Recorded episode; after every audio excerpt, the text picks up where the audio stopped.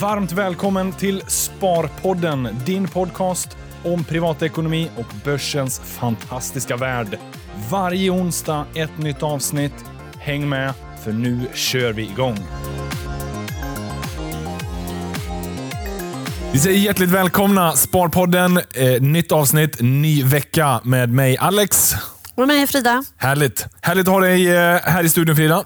Kul att vara här, som alltid. Ja, vi ska prata lite uppköp tänker jag. Det är alltid lite kul att spekulera. Eh, det är ju det börsen handlar om i mångt och mycket. Nej, börsen handlar om att investera. Men sen ibland så kanske man tillåts spekulera. För att det är roligt. För att det är roligt. Och, och sitta och prata om det lite Ja, Men, eh, men uppköp är ju lite på tapeten. Kappahl, det stora klädesbolaget, blev ju, eller kommer att bli uppköpta. Ja, det blev klart i, Det blev klart i alla fall. eh, precis i måndags Ja. den här veckan. Då. Gård Ja. köper ut det från börsen. Ska i och för sig bli ganska spännande och få se vad de gör av det. Precis, det är ganska mycket de måste göra i Ja. Kappahl. Ju. Eh, inte bara investeringar för att få upp e-handeln, för den står för ganska liten del Mm. av Kappahls försäljning nu. Och det vet vi ju alla att det pågår den här transformeringen, omstruktureringen i branschen. Där måste ju Kappahl också vara med. Men sen handlar det också om att pressa kostnader. Alltså Mm. då kanske det handlar om att lägga ner butiker eller att eh, eh, minska, alltså dra ner butiksytor åtminstone på något Ja. sätt. Vet, Det, det finns nog ganska mycket att jobba med och jag tror därför att det är rätt att man gör det här. Att man gör det här i en, i en onoterad miljö. Alltså man får ett litet andrum. Ja. Aktiekursen har ju gått väldigt, väldigt dåligt. Ja. Eh, om man räknar bort att det blev ju en budpremie och så Ja. steg aktien. Men utöver det så är den ju ner ganska mycket. Ja, exakt. Och jag tror verkligen att det fanns en risk att den skulle gå ner ytterligare. Så därför tycker jag att det har varit klokt av de Ja. sparare som har accepterat det här eh, erbjudandet. Då. Ja, men det var det. Eh, och Nu har ju Mellby Gård fått så mycket som de eh, behöver för att lyfta ut det från börsen. Och Det ska ju bli intressant att se. Det känns som att hela den där eh, sektorn, alltså retail-klädesbolagen, är sjukt pressade. Mm. Man pratar om den här butiksdöden. Sen, eh, den kommer inte dö helt och hållet, men butiker har svårare att få lönsamhet. Ja, men så är det ju. Det såg E-handel vi är ju- mer avgörande. Ja, precis. Men det såg vi i RN, eh, RNB då som Ja. vinstvarnande här om veckan. Eh, var det väl, veckan. förra veckan. MQ har det också supersvårt. Det är liksom, Ja. Jag tror att många av de här har svårt att eh, definiera lite grann. Vad, vad, vad ska man vara i det här? Ja. Alltså Ska man vara den billigaste? Ska man, då, ja, men då kan man ju inte ha stora butiker som kostar väldigt mycket pengar med ett stort butiksnät. Alltså det kostar väldigt mycket pengar. Eh, man kan inte vara den billigaste, men, men, eh, eller ska man vara den med högst modegrad? Eh, hur, hur blir det med leveranserna? Ska man vara den som levererar snabbast? Alltså, Det är väldigt svårt att hitta rätt i det här. Eh, så att, men jag tror ju att Kappahl har säkert en identitet som de kan försvara. Det vill säga det kanske är för lite mogna kvinnor. Ja. Ett sånt mogna, jag säga på något fint sätt. Du förstår vad jag menar? Alltså det, Ja, men det är väl mogna kvinnor som de är ganska uttalat. eh, Exakt, ja. exakt. och där tror jag verkligen så här, där har de en, en nisch där Ja. som de verkligen kan jobba med. Liksom. Ja. Men det finns ändå mycket kvar att göra för även den generationen och kommande generationer ställer ju krav på e-handel. För det är det som vi ser, det är det som är framtiden. Ja. Ja, men det är så här, och nu kan man ta kanske lite nya nischer som mest hållbara och, och så här, Ja, så, det. sådana bitar. Mm. Men det är ju jädrigt svårt för att at, at the end of the day, många går på pris. Ja, Marginalerna är sjukt pressade. Ja, också för att man så enkelt kan jämföra Ja. priser också. Eh, det, det är ju en, en annan del av digitaliseringen då, att det är så otroligt enkelt att jämföra och bara ta den billigaste. Mm. Eh, så att, ehm, ja, men det finns, och, och det här argumentet att man köper ut ett bolag för att kunna vända det och liksom göra ett turnaround av det i lugn och ro. Det såg vi i Oriflame exempelvis då, Ja. i somras. Eh, samma sak där. Man behöver liksom göra ganska mycket stora investeringar som krävs. Börsen är inte alltid jätteförlåtande.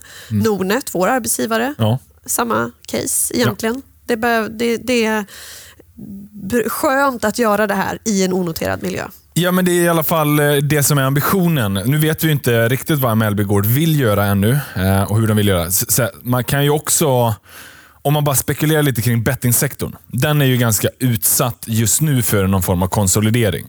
Tillväxterna börjar avta lite och eh, nya regleringar gör det svårare att verka. Marknadsföringen får inte vara lika kraftig längre. Eh, och Då blir det så här, ja, men vad, vad kan man då göra? Då kan man ju börja dra ner på kostnader. Kanske slå ihop bolag för att minska på personalstyrkan som ofta är den största kostnadsposten. Absolut, därför tror jag att vi faktiskt kommer få se nästa stora Ja. köp på börsen inom just bettingsektorn. Alltså inte spelutvecklare då, utan speloperatörer, bettingbolag.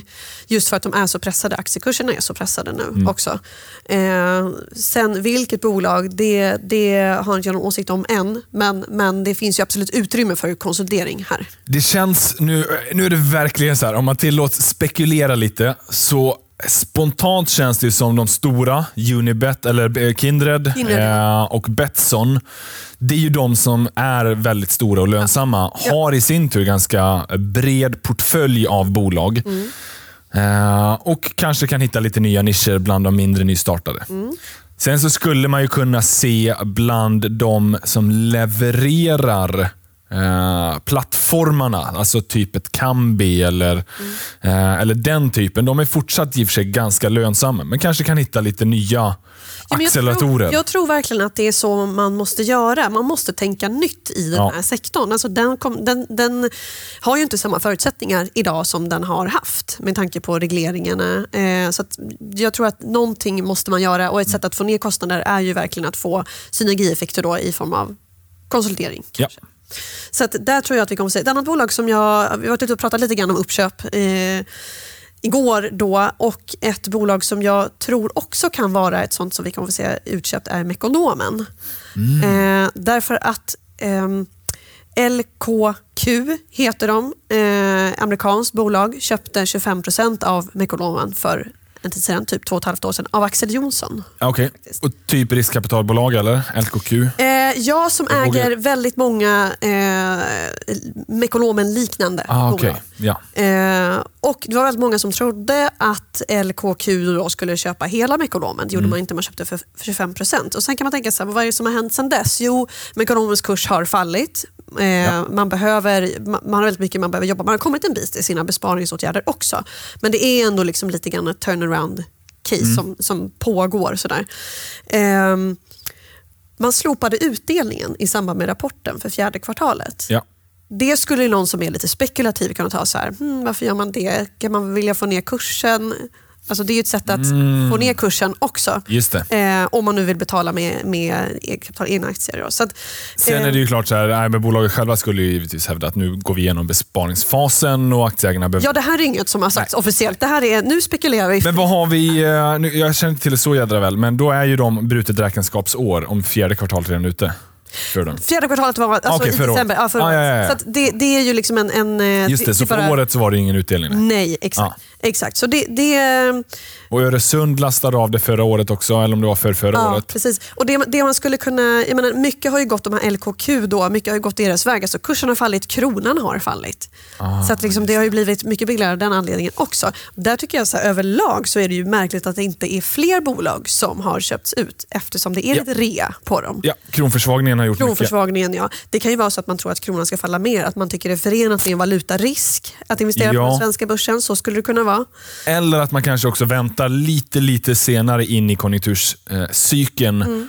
eller liksom börscykeln, bara för att det kan ju vara så. Vi har fortfarande eh, lite tillväxtkräm kvar, eller åtminstone om man så här, Uppgången vi ser i år, vinsterna på börsen steg förra året. Ändå så föll börsen. Mm. Så var det ganska uppenbart att kurserna skulle åtminstone återhämta sig lite i år.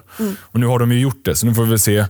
Ja, precis, om och det- vinsterna står ganska flät eller till och med faller Exakt. lite på helåret 2019. Då Ja. kan det nog få lite ökat Ja, det är därför jag tror att vi kommer få se mer utköp eller Ja. uppköp just för att kurserna kommer att pressas i sådana här branscher som också dras med liksom strukturella problem, alltså spelbranschen, Mm. retail och sådär.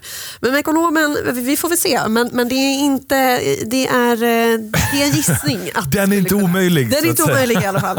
eh, Men, och, här, jag kollade lite själv. Eh, några olika branscher som jag tror... Det är alltid lite svårt att dra hela branscher, men enskilda bolag. Eh, det finns några som är ganska pressade. Om vi är tillbaka till egentligen klädesbolagen. Mm. Eh, varken R&B eller MQ tror jag är särskilt aktuella på grund av ägarbilden. Mm. R&B, förvisso vinstvarorna har haft väldigt tuff, Ja. eh, tuff period. Det består ju av en portfölj av lite bolag. Polarn Pyret, Brothers och så vidare. Men de ägs till väldigt stor utsträckning av eh, Coop, eller samma ägare som Coop, Kooperativföreningen. ja, men det finns en stark... eh, Det finns en stark ägare och jag vet inte huruvida de är intresserade av att sälja av eller, Nej. eh, och så, utan Coop känns som att de har varit superolönsamma under lång tid också.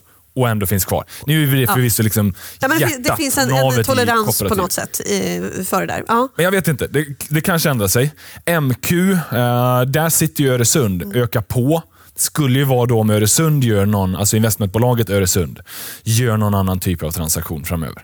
Och Det är ju Men- inte omöjligt heller, för de har ju ändå gjort vissa... Ja. Eh, ja, det, det, det, så här, det svära- känns mindre omöjligt om man säger Ja, så är det. En Ja. R&B. En, ja, precis. Eh, nu vågar jag inte svära på det, men jag för mig att det är kring 30 procent, något sånt där, som Kviberg Mm. med Öresund och familj eh, äger och kontrollerar av MQ. Ja. Eh, det kan ha förändrat sig lite. Men däremot, det som var ganska intressant, Odd Molly ägs till 20 procent av PE-bolaget M2 Capital. Både Odd Molly, eh, Odd Molly handlas just nu till EV Sales, alltså Enterprise Value genom försäljningen. Basically hur mycket betalar man för försäljningen? 0,03. Otroligt billigt. Eh, bränner ju pengar, gör förluster. Eh, handlas till väldigt låga värderingsmultiplar ja. Och är ju därmed då ganska intressant om man då vill ha försäljningen för någon som vill köpa ut. Ja. 20% redan av ett P-bolag. Vad vill de göra? Mm. Varför äger de 20%? ja, men det, det är Eh, spännande. R&B har just nu värderingen EV Sales 0,19. Också superbilligt. MQ 0,12. Mm. Så de är ju väldigt, väldigt billiga. Allihopa, Ja, värderingsmässigt. Det, det, Bränner är de pengar. ju, det är de ju. Det som man måste lägga till här, jag tänker exempelvis Odd Molly, hade ju sin, när hade de sin storhetsperiod? Nu minns jag inte riktigt. men- 27, 28. Exakt, alltså den typen av kläder som de gör hade ju liksom, de var, det var inne Ja. då. Eh, så man måste verkligen, tror jag, så här, eh, om man nu ska göra någonting med Odd Molly, ha en tanke om vad ska Odd Molly vara då Ja. framöver. För att deras liksom väldigt nischade eh, stil eller kollektioner och så, det, det har ju inte riktigt gått hem. Nej, det har inte flugit på samma sätt som det gjorde då. Nej, exakt. Så då måste man ju fundera kring det. Alltså att bara så tänka, ja men de, de var billiga, absolut. Men här krävs det ju verkligen en, en, i så fall en stor ägare som har en tydlig bild. Dels det, eller, eller om man då liksom verkligen hårdrar det. Så här, ett P-bolag köper ut, gör lite eh, förändringar strukturmässigt och sen kanske det får mergas in i någon större Så kan det koncern. också. Absolut. Eh, om man då inte verkligen helhjärtat vill satsa på Ja, bolaget. ja. Men då måste man hitta sin nisch. Ja. Vad det som funkar. Ja. Eh, ett annat som var ganska intressant. Eltel. Mm. Elinstallationsbolaget som sattes på börsen för ett gäng år sedan. Mm. eh, har inte alls gått särskilt bra. Och det har, jag har för mig att det spekuleras lite om det här redan förra året, eller för förra året. Att man eventuellt ville, eh, jag kommer inte ihåg vem det var som spekulerade eller va, vilket bolag som potentiellt kunde köpa ut det. Men jag kollade samma där. Värderingsmässigt, eh, EV Sales 0,5 för andra kvartalet 2019.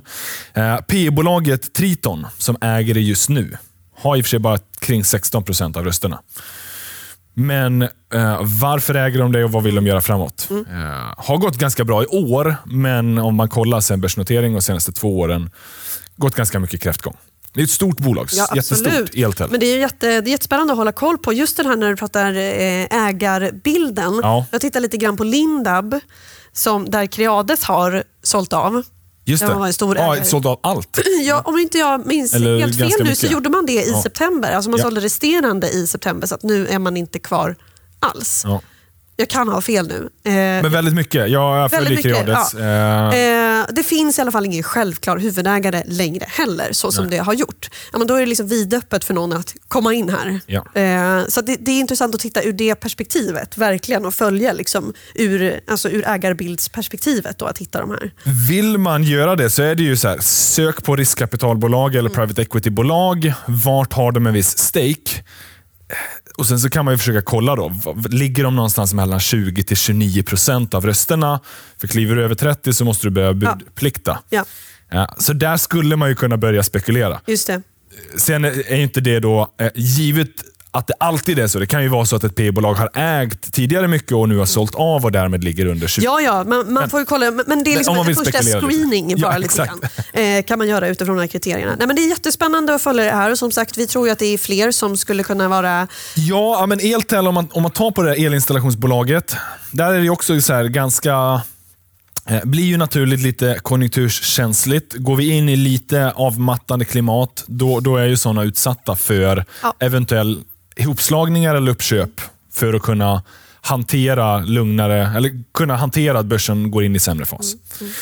Eh, också ytterligare ett som skulle kunna vara intressant. Svenska IT-bolag. Och och Då är det ju eh, dels på grund av den här kronförsvagningen som gör att det blir mer intressant. Eh, och plus att eh, det kan vara spännande nya produkter som Ja. kanske storbolag vill ha i sin portfölj. Ett sånt exempel skulle kunna vara Edgeware. Eh, broadcastingbolaget. För mig att de börsnoterades 2016, 17 någon gång, så det var inte jättelänge sedan. Men det var mitt i den här eh, börshåsyran. Kan vara tidigare också än så, kommer på nu. I vilket fall. Eh, också lågt värderat, haft ganska tuff, eh, tuff period. Eh, fler som kanske väljer att gå över till... De, de säljer ju broadcasting, alltså livestreaming och sånt där. Eh, kanske fler som väljer storbolag som Amazon, som erbjuder liknande typer av tjänster. Sen så kommer de här ju vara mindre och nischade och kanske kan erbjuda lite mer helhetsservice. Men det skulle ju då kunna vara att man vill ha tekniken, man vill ha eh, kundbasen eller någonting sånt Ja. och därmed ser potentiellt uppköp. Just det, vi har till ett sånt exempel, Tobii. Alltså Tobii, ja. ja. Ja. precis. Eh, alltså Apple köpte ju för, när det nu var, inte så länge sedan, ett liknande bolag. Ja, Alltså, 2017 kanske? Eller Eh. Exakt, Ja. som, och, och, men, men Tobii består ju av flera olika, Mm. det är typ tre olika bolag eller någonting. Eh, Apple, köpte ju, alltså, Apple skulle ju inte vilja köpa hela Tobii kanske, Nej. utan då skulle det vara en del där man får del av den här tekniken. Just det, ögon, ögonscanning. Ögonscanning liksom. Var det Apple eller var det Microsoft? Jag har för mig att det var Apple. Ja, det kanske var Apple. Ja, som, I vilket fall, det är ju de den här teknik- tekniken. Ja, Exakt, och det är är det tekniken. som är spännande. Men då, i det här fallet då, så är det kanske inte tal om hela bolaget utan att man då får liksom sälja av. Just det. För att jag menar, Apple kanske inte vill ha det som Tobii också gör som är liksom eh, underlätta för typ funktionshindrade. Sådär. Just så det. vill Apple ha det Eller så kanske- ja, ja. Man vet inte. Förmodligen är det ju mer tekniken som makes more sense Ja. i deras stora produktportfölj. Men det där är ju jättespännande. Edgeware ägs till 23% av eh, venture capital-firman Amadeus. Eh, Så vad det säger vet jag inte heller, men de skulle ju kunna vara villiga att sälja eller kanske vilja göra någon större affär med någon. ja. Eh, Och aktien har gått väldigt dåligt under en lång tid. Det är också, ökar ju möjligheten då för att någon kan komma in billigt. Är det låga värderingar också så eh, kanske det ser ytterligare lite smaskigt ut. Nej, men det, det där är jättespännande. Sen är det ju, eh, ja, vi får väl se vilka det är.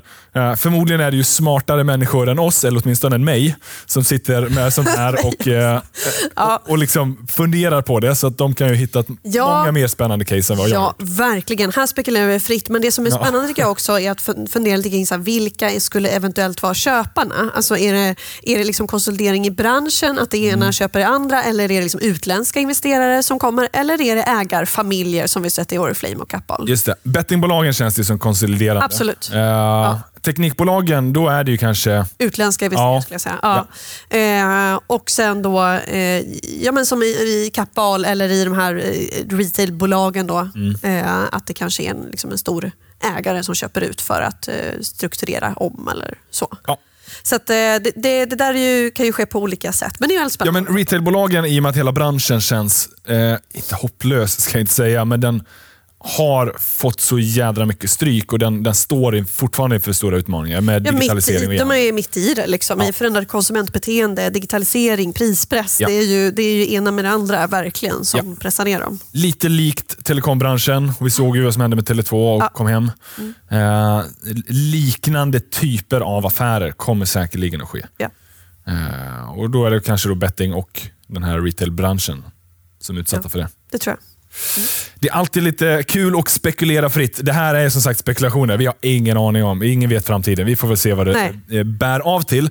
Men det hade varit kul att skicka med till er lyssnare också. Eh, är ni sugna på att spekulera lite? Skicka gärna in vad ni tycker och tänker. Eh, och vilka bolag och branscher som ni kanske ser potential för uppköp.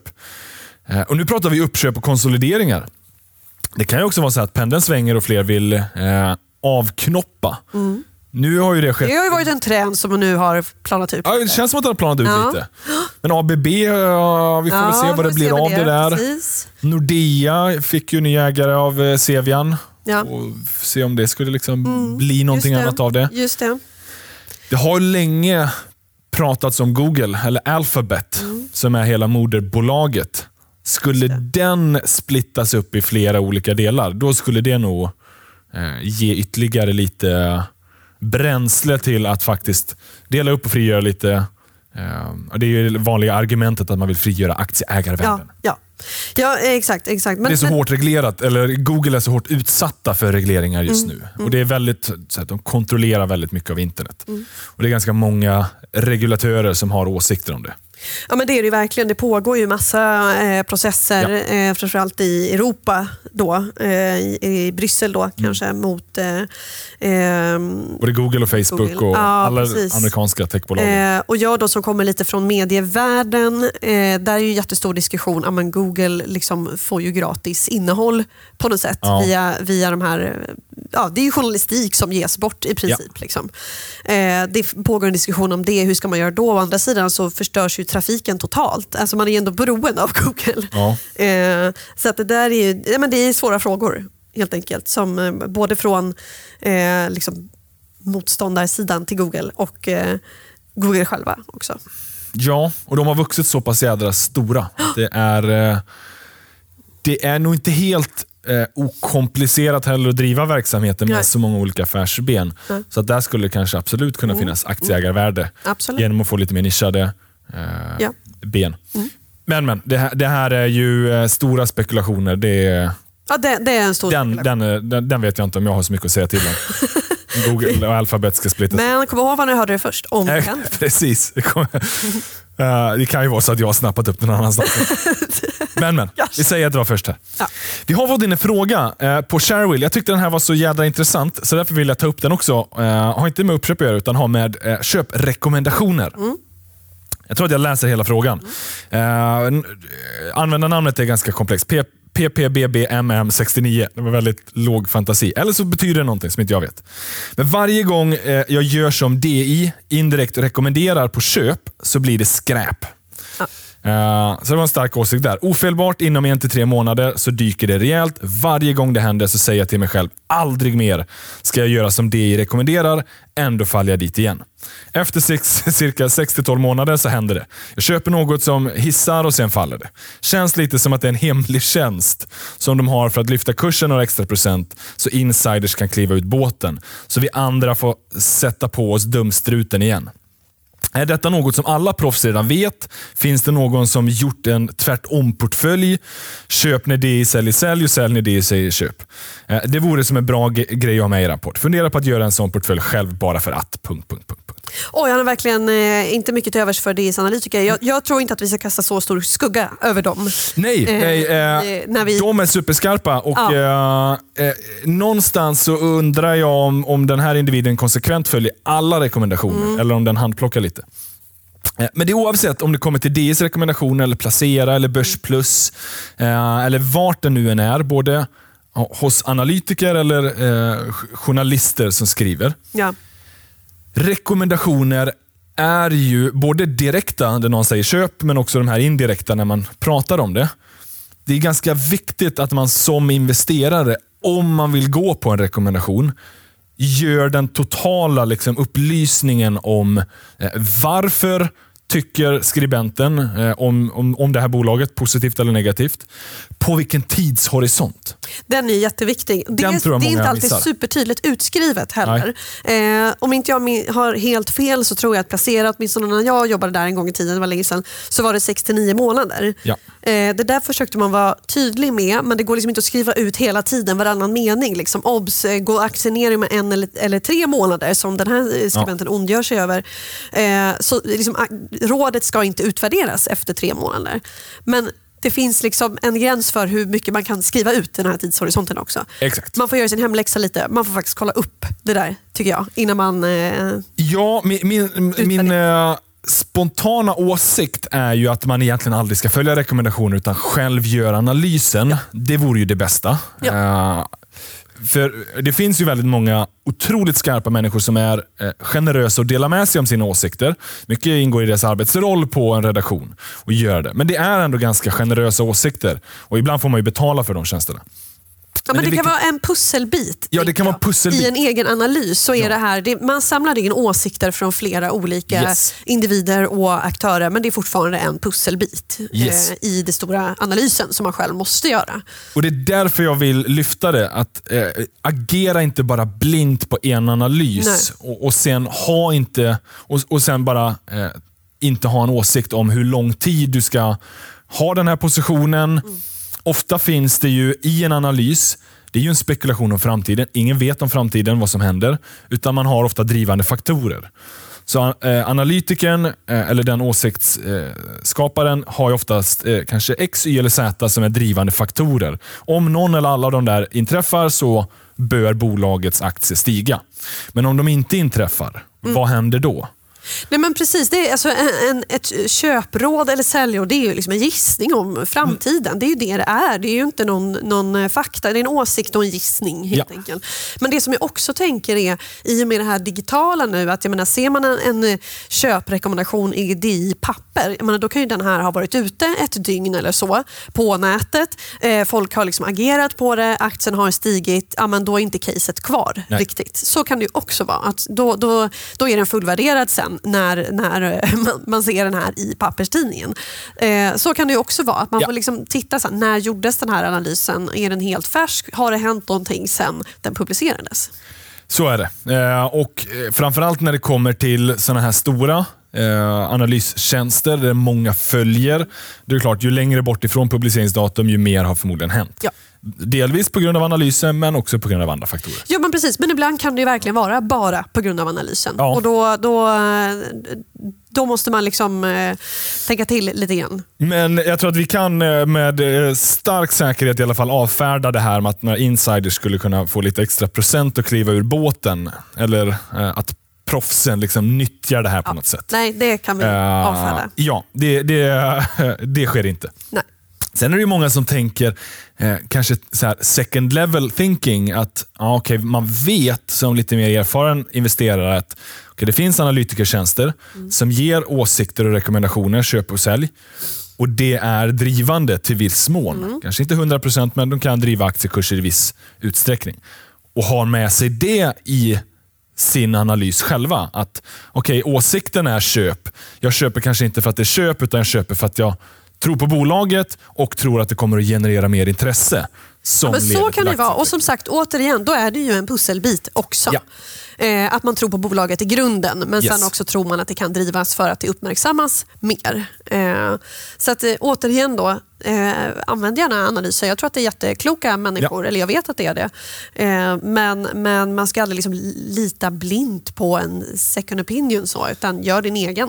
Och ofta är det, ju här, är det ju en av många aktier, för det är därför vi risksprider oss. För vi vet aldrig vilken som kommer att eh, kurslyfta, utan eh, man får ju ha flera olika. Och Sen är det några som kommer att springa och några som kommer att eh, gå torsk. Ja, så är det. Och eh, Går man liksom ännu längre ner på icke-etablerade analytikertjänster, alltså forumdiskussioner och sånt, ja, då blir det ju ännu mer spekulativt och där kanske man bör vara än mer vaksam på att så här, följ inte någonting blint.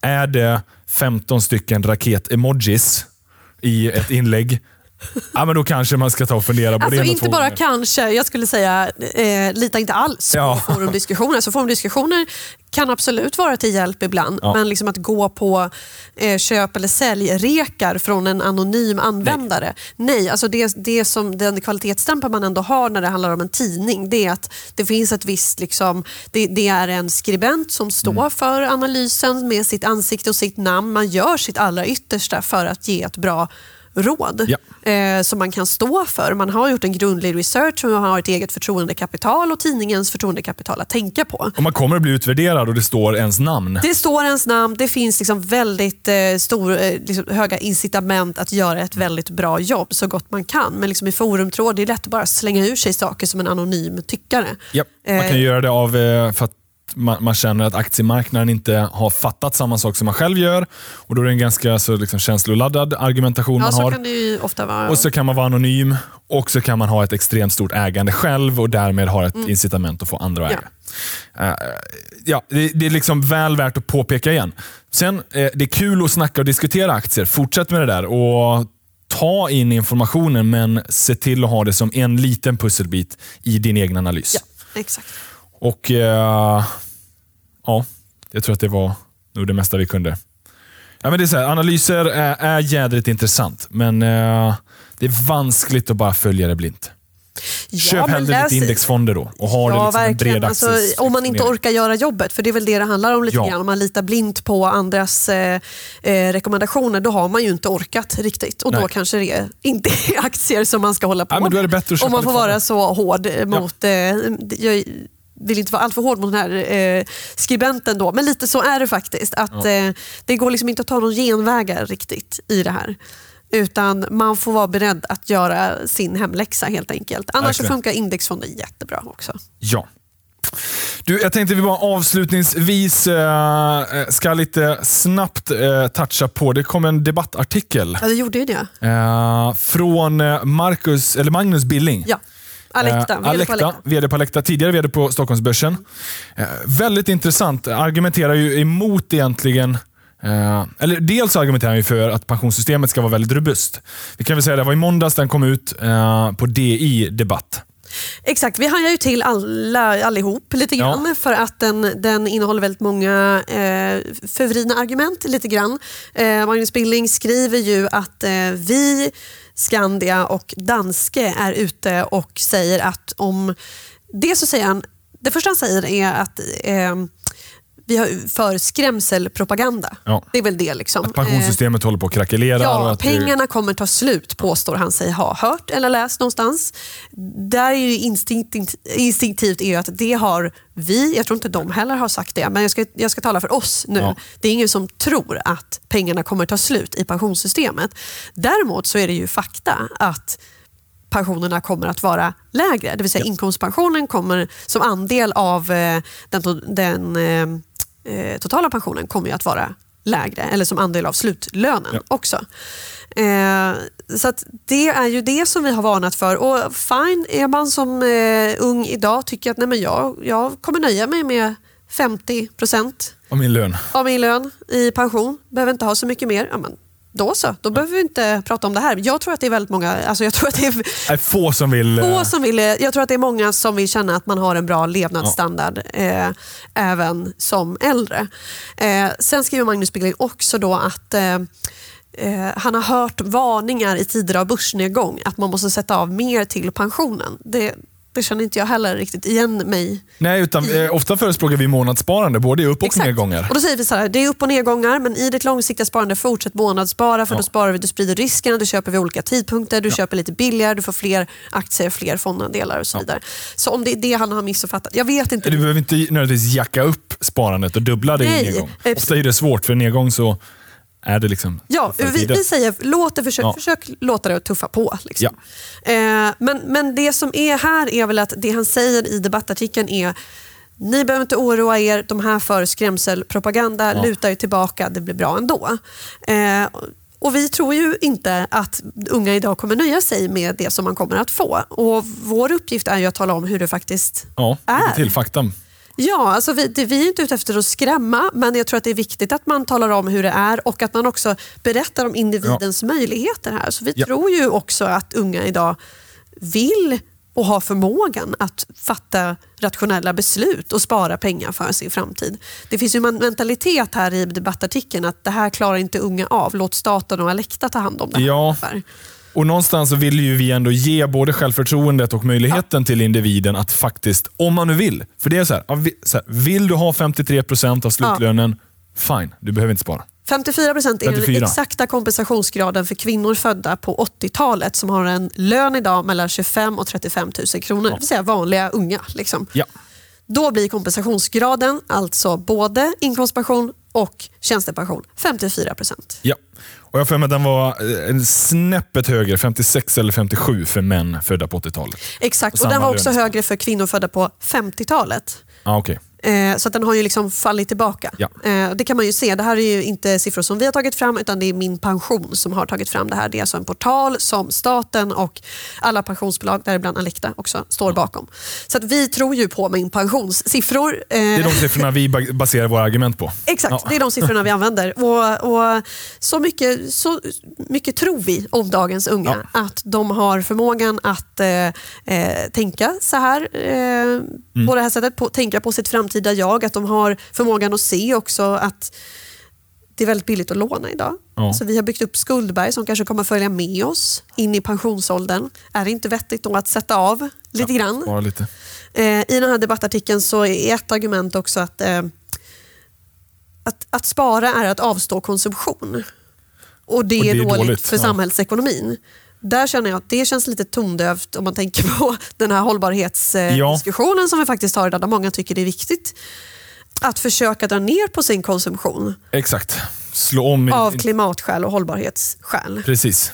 Och Det är ju en här klassisk eh, makroekonomisk teori att ja, mindre konsumtion leder till mindre samhällsutveckling. eller- Exakt, men jag, jag tycker att det är svårt att lägga också på individen. Ja, att du, måste, du har ett ansvar att hålla samhällsekonomin igång. Det, det ja, liksom, eller, konsumera mer. och konsumera mer. Det där, är, det där eh, eh, känner jag att det där ska inte unga idag bära på sina axlar. Nej, Eh, utan eh, nej, jag tror att de har förmågan att fatta högst rationella beslut och eh, måna om sin egen framtid. Ja. Det som man ska ha med sig här också är ju att den här mentaliteten att luta sig tillbaka och bara tänka att jag behöver inte göra någonting, det löser sig själv, tjänar jag Alecta på för de är icke-valsalternativ exempelvis inom ITP. Det vill säga väljer man ingenting för sin tjänstepension inom ITP, man är privatanställd eh, eh, tjänsteman, då hamnar man hos Alecta. Ja. Och to be fair så argumenterar han ju för att okay, Nordnet eh, tjänar ju på att privata Absolut. privat pensionssparande. Och det och, och absolut, Ja. det, är, det är vad vi Nej, bygger det- affärsmodellen på. Ja, ja, och det, att vi tror på individers Det, självförverkligande. det känner inte jag någonting som man ska behöva... eh, Det det är inget som vi ska Ja, det är inget negativt. för. Det är Nej. inget negativt. Det är klart att det vi är, är så. väldigt öppna med det där. Ja, vi är väldigt öppna med det. Men det, det, det förtar inte att det ser ut som det gör. När man tittar på fakta om kompensationsgrader, det det vill säga andel av slutlön Ja. som man kommer få i pension. Verkligen. Och jag menar, vi har ju vi, vi har låga avgifter och det är generellt sett ganska låga avgifter på sparande idag. Eh, visst, vi, det är ju det vi tjänar på, det är det vi bygger en affärsmodell. För att vi tror att man vill ta hand om sin ekonomi, man vill självförverkligas, man vill få en avkastning och ha en Ja. möjlighet att spara privat. Om man Exakt. nu känner för det. Vi tror på individen helt Ja. enkelt, individens förmåga att, att göra det här. Eh, och det, därför känns det lite deppigt att ha den här mentaliteten att det här klarar vi inte av utan gör, gör som eh, konsumera mer istället så håller vi samhällsekonomin igång. Nej, jag, jag köper inte riktigt det där. Nej, det är inte så bra inlyssnat på nästa generation och vad de Nej, jag, nej jag tycker framåt. inte det. Eh, så vi håller ju inte alls med om det som skrivs. Vi, inte, vi känner inte igen oss Nej. i argumenten. Det här att vi skulle ha sagt att pengarna håller på att ta slut eller att man måste pensionsspara mer i börsen igång. Och Han skriver dessutom att man måste ofta påstås att unga behöver spara flera miljoner på egen hand för att kompensera för att pensionssystemet missgynnar dem.